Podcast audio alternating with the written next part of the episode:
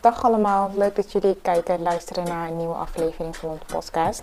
Ehm, ik ben jullie host vandaag, Shari. En vandaag gaan we weer verder over onze series uh, VGV, oftewel meisjesbesnijdenis. Wat eigenlijk nog steeds ehm, ja, een heel groot probleem hier in Nederland is en ook heel veel meiden daar slachtoffer van zijn. Um, mochten jullie toch niet weten waar we het over hebben, raad ik jullie aan om onze vorige aflevering te beluisteren. Ook met andere gasten. Ja, maar vandaag hebben we ook een andere speciale gast. En uh, als eerst, welkom. Fijn dat u er bent. Dank je. Um, ja, kunt u vertellen wie u bent, wat u doet en uh, waarom u eigenlijk hier vandaag bent? Mm -hmm. Ja, ik ben Eva Schipper. Ik werk als jeugdarts op een consultatiebureau hier in Den Haag, in de buurt. Um, in mijn werk ben ik ook aandachtsfunctionaris VGV, meisjesbesnijdenis. En in die rol uh, ben ik uitgenodigd, neem ik aan. Ja, klopt. Ja. Door mij. Ja.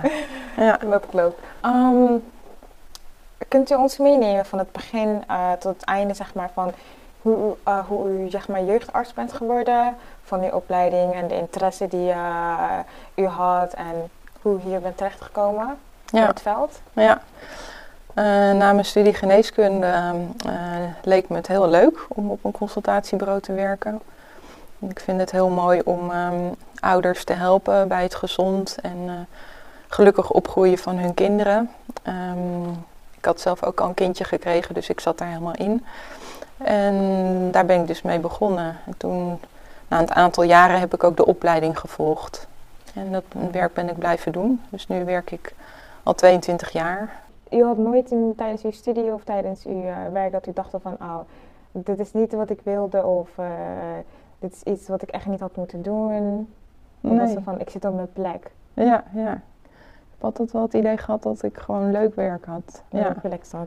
Ja, oké. Okay. Nou, um, waar staat eigenlijk de afkorting SJG voor? CJG, ja. Centrum voor Jeugd CJG, en ja, ja. klopt. Ja. Wat zeg ik nou? Ja, Centrum voor Jeugd en Gezin. Oké, okay, en dat, dat is waar u werkt? Ja. Neem ik aan, toch?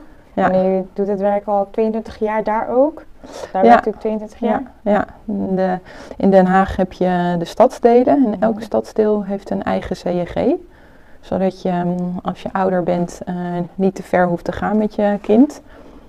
Um, die CJG's die zijn een aantal jaren geleden ontstaan, want eerst uh, waren het alleen maar consultatiebureaus. Maar nu zijn de CJG's echt een bundeling van uh, hulp aan ouders en kinderen. Oh. Ja. En is dat alleen maar, zeg maar binnen school of ook buiten school? Dat er uh, hulp wordt uh, geboden vanuit jullie aan ouders? Ja, nou wij staan uh, wel los van de scholen. in de CJG zit soms wel een school hoor. Oh. maar een CJG bestaat eigenlijk uit twee takken hoofdzakelijk. Dat is de jeugdgezondheidszorg, de JGZ. Daar werk ik. En je hebt de, de jeugdhulp. En de jeugdhulp um, is meer de toegang voor als er um, wat uh, heftiger problemen zijn en daar hulp voor nodig is bij uh, ouders en kinderen. Oh, ja. Um, maar ja, vandaag zijn we hier natuurlijk uh, over het onderwerp VGV. Wat doet het ja, CJG zeg maar om VGV tegen te gaan en wat doen jullie eigenlijk om VG, VGV bespreekbaar te maken? Ja, um, in de jeugdgezondheidszorg uh, werken we met richtlijnen. Dus voor heel veel verschillende onderwerpen hebben we richtlijnen. En voor VGV is ook een richtlijn. Dat is het uh, standpunt VGV voor de jeugdgezondheidszorg. En uh, daarin staat precies besproken wat wij moeten doen. Um, wij werken met vaste contactmomenten. Dat zijn er iets van 15 tussen de 0 en de 18 jaar. En um, we beginnen eigenlijk al met het eerste contactmoment, um, dat onderwerp te bespreken. En het eerste contactmoment is als een kindje twee weken oud is, dus net geboren. Oh, oké. Okay. Ja. Dus het kan voorkomen dat een kind al eigenlijk ja, een besnijdenis is ondergaan op zo'n leeftijd? Is dat wat die... Uh... Mm, nou, dat kan, maar um, dat maken we eigenlijk niet mee hoor. Dat, dat nee, niet mee. Okay. in Nederland. Maar dat is nee. gewoon wanneer je het bespreekbaar maakt. Precies, ja. Je wilde gewoon, uh, vanaf, eigenlijk vanaf het eerste begin wil je het onderwerp uh, aan de orde hebben. Mm -hmm. de, um, wij zijn eigenlijk een keten. Mm -hmm. je noemt het ook een ketenaanpak. Dus eigenlijk zijn de allereerste, dat zijn de verloskundigen. Die zwangere vrouwen begeleiden. En voor hen eh, is het ook al een eh, onderwerp wat ze gaan bespreken. Ook omdat ze natuurlijk willen inschatten hoe de bevalling gaat zijn. En die is bij besneden moeders is dat natuurlijk heel anders. Ja, ja dus zie je dat wel, dat er echt heel groot verschil is tussen ouders die wel besneden zijn en ouders die niet besneden zijn? Wat, wat, Mhm. wat voor verschil zijn er? Ehm, nou ja, als een, een eh, vrouw besneden is, ehm, op de manier zoals ze dat veel in Somalië hebben gedaan, eh, dan moet het wel opengemaakt worden voor de, of tijdens de bevalling. Dus dat moet wel besproken worden. Met Ja. de moeder? Ja, ja. Oké. mhm. En zijn er ook Mm. momenten dat dan een moeder niet zegt dat ze besneden is en dat jullie, ja, dat de verloskundigen dan eh, erachter komen dat ze dat wel is? Dat weet ik niet. Oh, nee, daar heb je nooit wat van gehoord? daarvan? Nee, nee. Ehm, maar hoe reageerden dan ouders op? Want eh, u zei zo van eh, tijdens het eh, twee weken, als een kind twee weken is, dan proberen het het bespreekbaar te maken. Hoe gaat zo'n gesprek met een ouder en hoe reageert een ouder daarop? Ja. Mm, wij kiezen altijd als ingang ehm, eh, waar ouders vandaan komen. Ehm, en dan hebben we de wereldkaart van VAROS. VAROS is dat kenniscentrum, Ja. wat ook als onderwerp VGV heeft. Ehm, die wereldkaart, daar kun je precies op zien ehm, wat de landen zijn waar VGV voorkomt. Klopt. En ehm, als het goed is, hebben wij dat een beetje in ons hoofd. En als wij eh, merken dat ouders bijvoorbeeld uit Eritrea, Soudaan of Somalië komen, dan kiezen we dat als ingang. Dus dan eh, eigenlijk het beste is om dan eh, eerst te vragen van vindt u het goed om eh, over dit onderwerp te praten, over meisjesbesnijdenis. Eh, want ik weet dat u ehm, uit een land komt waar VGV voorkomt. Nou, dan kunnen ouders zeggen of ze het goed vinden. En ze vinden het eigenlijk altijd goed. En ehm, dan ehm, gaat het gesprek meestal een beetje van buiten naar binnen. Dus eh, meer van, eh, was dat ook in uw eh, gebied waar u vandaan komt? Ehm, hoe is dat in uw familie geweest? Ehm, hebt u nog veel contact met uw familie? Gaat u op vakantie? Mm, en dan dan heb je een beetje een lopend gesprek en dan kan je het wat meer toespitsen op van eh, hoe was dat dan in uw familie? Wat voor betekenis heeft meisjesbesnijdenis voor u en uw familie? En dan kun je vragen aan de moeder van bent u zelf besneden geweest? En hoe wilt u dat voor uw dochter? Ja, En zijn er dan ouders die dan de taal niet goed beheersen? Hoe gaan jullie daarmee om? Nou mm, wij kunnen wel eh, heel makkelijk een tolk inzetten. Oké. telefonische tolk. Maar het is niet zo heel, het is wel makkelijk een telefonische tolk inzetten, maar we doen het niet zo vaak omdat wij toch een beetje tijdsdruk hebben. Eh, de spreekuren ehm, zitten wel vrij vol, dus we hebben ook niet zo heel erg veel tijd, omdat we in die tijd ook veel andere dingen moeten doen. Maar eh, als je nou bijvoorbeeld hebt gemerkt van ja, het is een onderwerp wat we echt moeten bespreken en ik weet dat ze bijvoorbeeld volgende keer weer komen, dan kan je het eh, voorbereiden en dan wel een tolk eh, reserveren. Ja. Ja. Mm, Oké. Ja. Ehm, moeten we dan eigenlijk ja, mensen dan die uit uw werkveld komen als ja, mensen zien dan die, eh, want ja, het is wel ehm, iets privés besneden zijn. En als jullie dan ja, het, eh, ja, bij een ouder gaan vragen van, oh ben je besneden of eh, ehm, gaat je kind besnijden of wat dan ook, is wel, eh, het lijkt alsof je dan, ehm, eh, hoe zeg je dat? een beetje probeert in te kijken in het privéleven van een ander. Moeten we dan jullie, zeg maar, hoe, moeten, hoe moeten wij dat zien? Want ja, je probeert wel iets privés van iemand anders bespreekbaar te maken. Hoe Ja. gaat dat? Nou, dat is ook zo. Ja, dus dat kun je ook niet als eerste meteen eh, bespreken. Je moet eerst een soort van vertrouwen hebben in het gesprek. Een vertrouwensband opbouwen. Ja. Dus. Ja. Oké. En dan eh, kan je pas daarna het gesprek beginnen van, oké, Mhm. dit is waar we willen over, pra- willen over praten. Ja.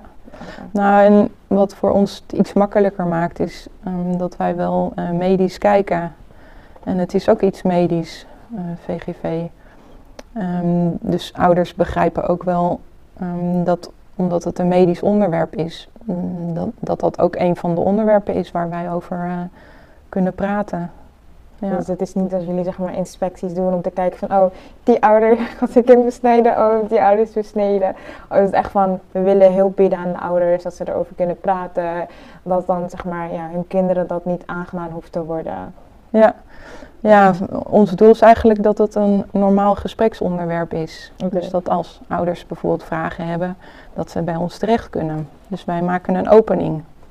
En je moet het ook niet, ja, je moet het ook zo zien dat doordat we het steeds weer terug laten komen, mm, dat het een normaal onderwerp gaat worden. Stel je voor dat, ehm, dat de moeder zelf besneden is en ze wil de dochter besnijden, maar dat komt niet vanuit haar, maar vanuit de druk van de, uh, van de man zelf en de familieskant die zegt van ja, je moet je kind besnijden, je moet dat doen, maar ze weet niet wat ze ermee moet. En mhm. eh, ze komt bij jullie, ze zegt ja, dit is wat er gebeurt. Mijn man wil mijn kind meenemen om haar te besnijden en dat wil ik niet. Kunnen jullie haar daar helemaal mee helpen? Of zeggen jullie van, nou, wij kunnen eigenlijk niet heel erg veel, wij sturen je door?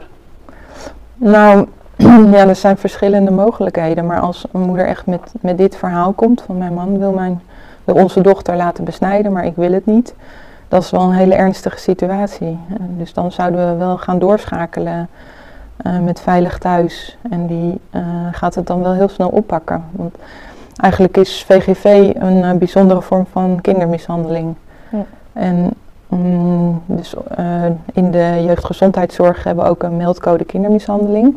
Wij zijn verplicht om de stappen te volgen in de meldcode.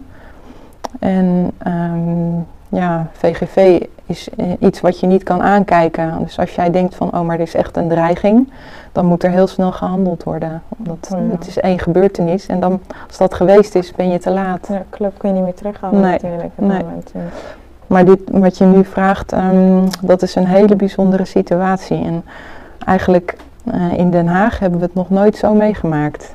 Is er wel een nee. andere uh, ja, situatie dat u wel meegemaakt hebt en dacht, oké, okay, wow, dit is wel heftig? Ja, mm, soms gebeurt het wel dat um, uh, jongeren um, uit, in het land van herkomst besneden zijn. Mhm. En dan uh, komen ze naar Nederland. Maar dat is dan toch wel weer een andere situatie, omdat um, in het land van herkomst wisten ze soms nog niet wat voor nadelige gevolgen het heeft, VGV. Of nou ja, de situatie die ik zelf heb meegemaakt was een, uh, een meisje van vier jaar.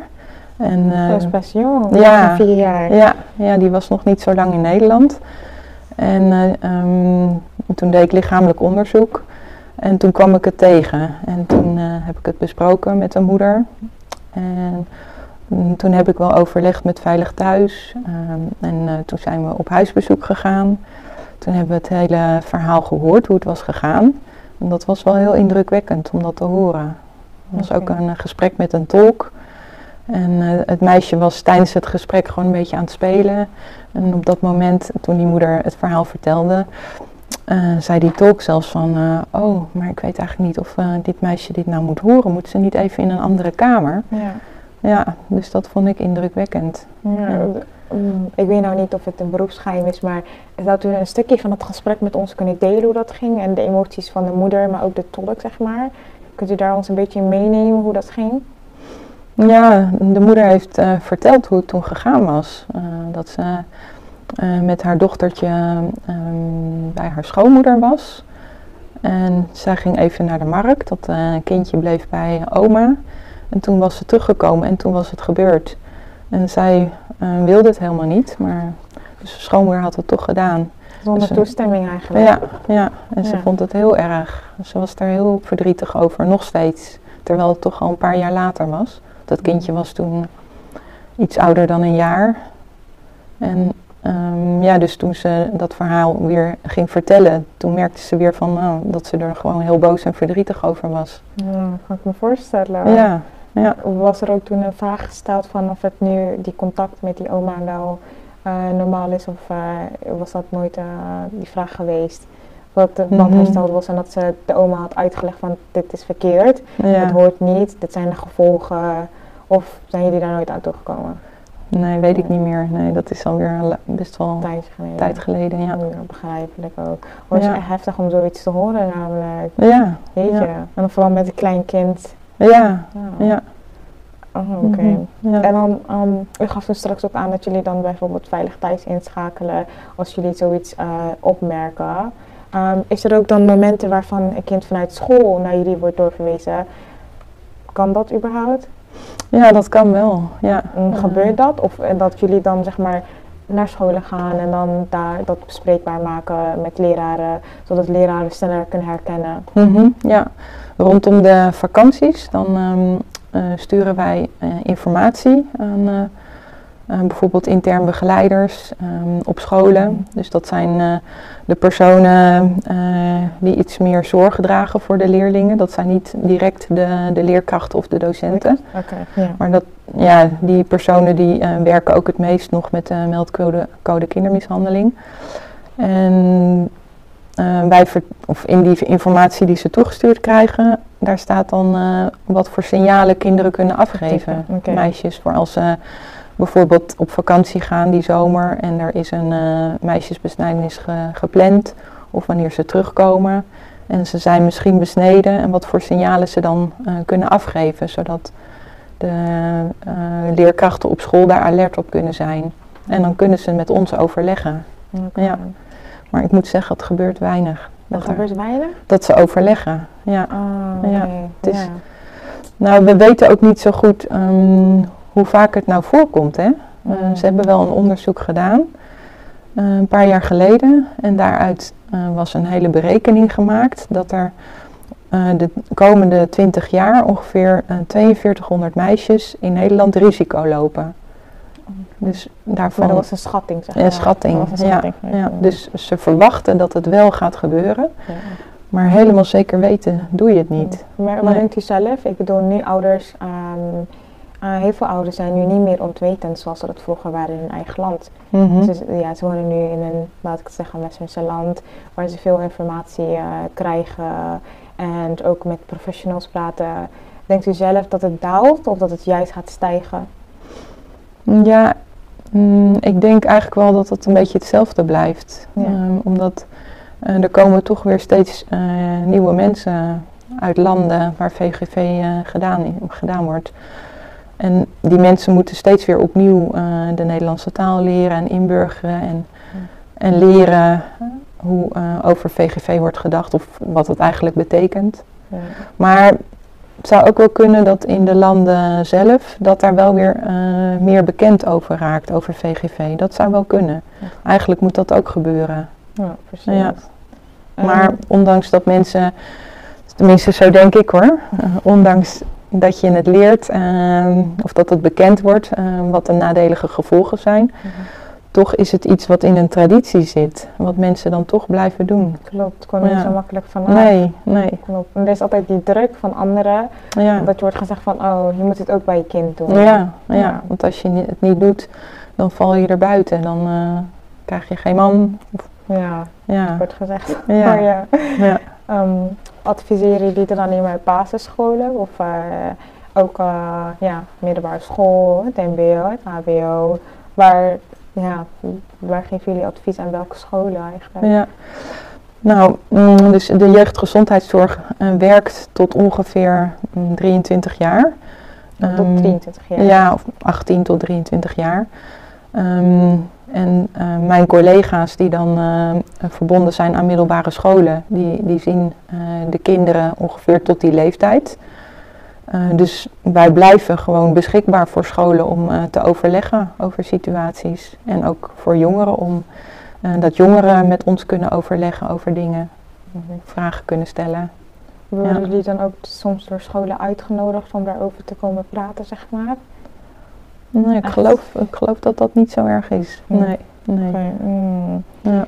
Ehm, Er was wel een tijdje terug een eh, toneelstuk. Misschien heeft mijn collega ook wel daarover verteld. Het toneelstuk Hechting. Dat ging dan over VGV. Ja, En dat werd wel opgevoerd op een aantal middelbare scholen. Oké, Ja. en hoe ging dat? Was het een succes?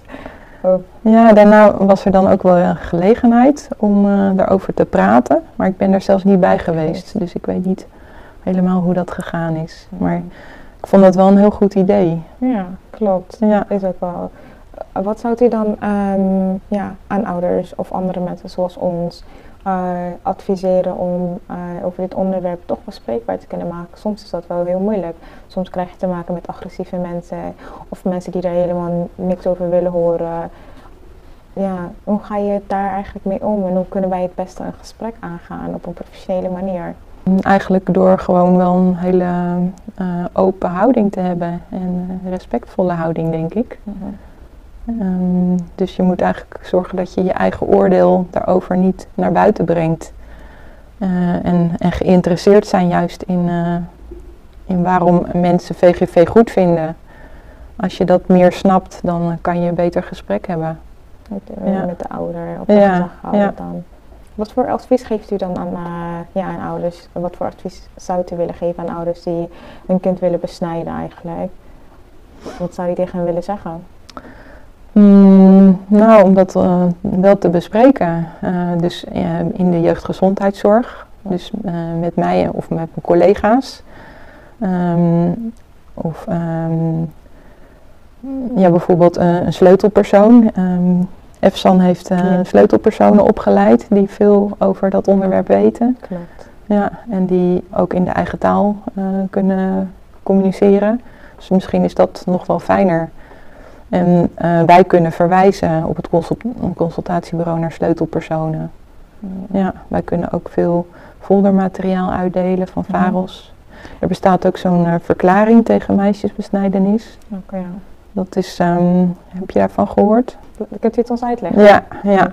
Je hebt in verschillende Afrikaanse talen heb je... Um, oh ja, ik heb het wel in die folders van de EFSAN uh, wel oh, gezien. Ja, klopt. Ja. Een oh. verklaring uh, waarin staat uh, dat het slecht of nadelige gevolgen heeft en dat het strafbaar is in Nederland. ook strafbaar wanneer ouders naar het land van herkomst gaan en het mhm. daar gebeurt. Dus dat ouders dan nog steeds strafbaar zijn. Dus en dat kunnen ze laten zien aan uh, bijvoorbeeld familie. Die vinden dat ouders wel VGV moeten laten doen bij hun dochter. Dus dan kunnen ze laten zien van, oh, maar als ik dit doe, dan ben ik straks strafbaar. Dus dat kan ze een beetje steunen. Ja, dat, dat is wel waar. En, maar er zijn dan nog steeds ouders die dan bang zijn om een gesprek met een professioneel ja, aan te gaan. Mm -hmm. En die het eigenlijk niet weten waar ze moeten beginnen. Wat zou je tegen hun kunnen zeggen? Wat is het eerste stap dat ze moeten zetten eigenlijk? Nou, misschien ook uh, met andere mensen om je heen erover praten. Met andere vrouwen, moeders. Het bespreekbaar maken. Ja, ja. Mm. Ja, dat is wel, uh, ik denk dat dat wel uh, ja, een eerste stap is. Ja, maar ja. vindt u dan dit ook zo een onderwerp dat eigenlijk openlijk over gepraat mag worden, vooral op scholen? Ja. Net, net zoals kwaliteit, want dat, daar wordt wel over gepraat. Is dit ook een onderwerp dat u denkt van, daar mag ook gewoon openlijk over gepraat worden, want het is best wel gevoelig? Ik vind het juist heel goed als er over dit soort dingen gepraat wordt. Ja. Oh. Dus op internet ook nog wel wat te vinden hoor. Er zijn wel goede sites. Uh, je hebt bijvoorbeeld sansu.nl. Oh, okay. En um, daar um, kun je ook in verschillende talen kun je uh, op plaatjes klikken van het menselijk lichaam, hoe het in elkaar zit. En ook uh, wordt seksualiteit uitgelegd. Um, dat is voor jongeren ook wel heel erg helpend, denk ik. Ja, precies, maar je ja. kunt ook best wel veel YouTube-filmpjes vinden over VGV. Vrouwen die over VGV van zichzelf vertellen. Dus ja, daarmee kan je best wel veel informatie krijgen. Ja. ja. Um, nu moet ik wel zeggen, ben ik wel heel erg benieuwd. En, want ik ben natuurlijk een Nederlandse vrouw die hier opgegroeid is, die, um, ja, die daar eigenlijk niks mee heeft. En VGV is eigenlijk niet iets wat uh, je naasten of je vrienden. Volgens mij, sommigen kennen het niet eens, denk ik. Mm -hmm. Is er wel bepaalde gesprekken dat je hebt en dat dat onderwerp naar boven komt en dan wordt gezegd: wat is dat nou? En waarom doen mensen het? Is er wel een gesprek dat uh, wat gebeurt? Nou, mm, als ik het met mensen in mijn omgeving erover heb, dan weten ze wel wat. Tenminste, ja? ze hebben er wel van gehoord. Ze weten natuurlijk niet precies wat het is. Mm -hmm. uh, en dat het schadelijk is. Ja, dus dan kan ik het wel vertellen. Ja. ja. Oké. Okay. Ja. En legt u dan ook echt uit van, van A naar B van oh dit en dit gebeurt er en dit zijn de gevolgen. Of is het echt van kort en krachtig? Ja, het ligt eraan hoeveel iemand wil horen. Geïnteresseerd is. Ja. Ja, ja. Begrijpelijk. Ja. Um, maar je vraagt je misschien af waarom ik het dan, uh, waarom het mijn uh, aandachtsgebied is. Ja, eigenlijk wel een beetje. Want je zou denken dat iemand die dat zelf meegemaakt heeft of zelf wil voorkomen, omdat het veel in zijn gemeenschap of zijn cultuur voorkomt, Mhm. uh, het werk wil gaan doen namelijk. Ja. Want ik bedoel, ik, ja, ik weet niet hoe je op, op bent opgegroeid, maar je bent niet in, een, in zo'n omgeving opgegroeid. Wat is die interesse? Wel, ja, hoe is die interesse gekomen? Mhm. Ja. Dat je dacht van, oké, VGV, daar wil ik over praten. ja, nou misschien komt het omdat ik in deze wijk al heel lang werk. Ah. En ik het ook gewoon leuk vind om eh, met anderstalige mensen te praten. Ja. Ja, ik vind het gewoon ook interessant. eh, mensen uit andere culturen. En moeilijkere onderwerpen vind ik ook leuk. Oh, ja, mo- moeilijke Ja. onderwerpen. En eh, waar praten we dan over? Andere moeilijke onderwerpen? Mm, ja, bijvoorbeeld als ehm, ouders het moeilijk vinden om met hun kind om te gaan. Oké. Ja, Mm, mm. En heb je ook dan eh, achterlating of eh, seksuele geweld thuis? ja, Dat ook? ja dat hoor ik niet zo heel veel, maar wel veel huiselijk geweld. Huiselijk Mm. geweld, oké. Ja. Ja, En dan immigrantachtergronden dan, zeg maar. ja, maar ook gewoon eh autochtone mensen. Ja. Oh. Mhm. Nou, dat waren zo'n beetje eigenlijk mijn vragen.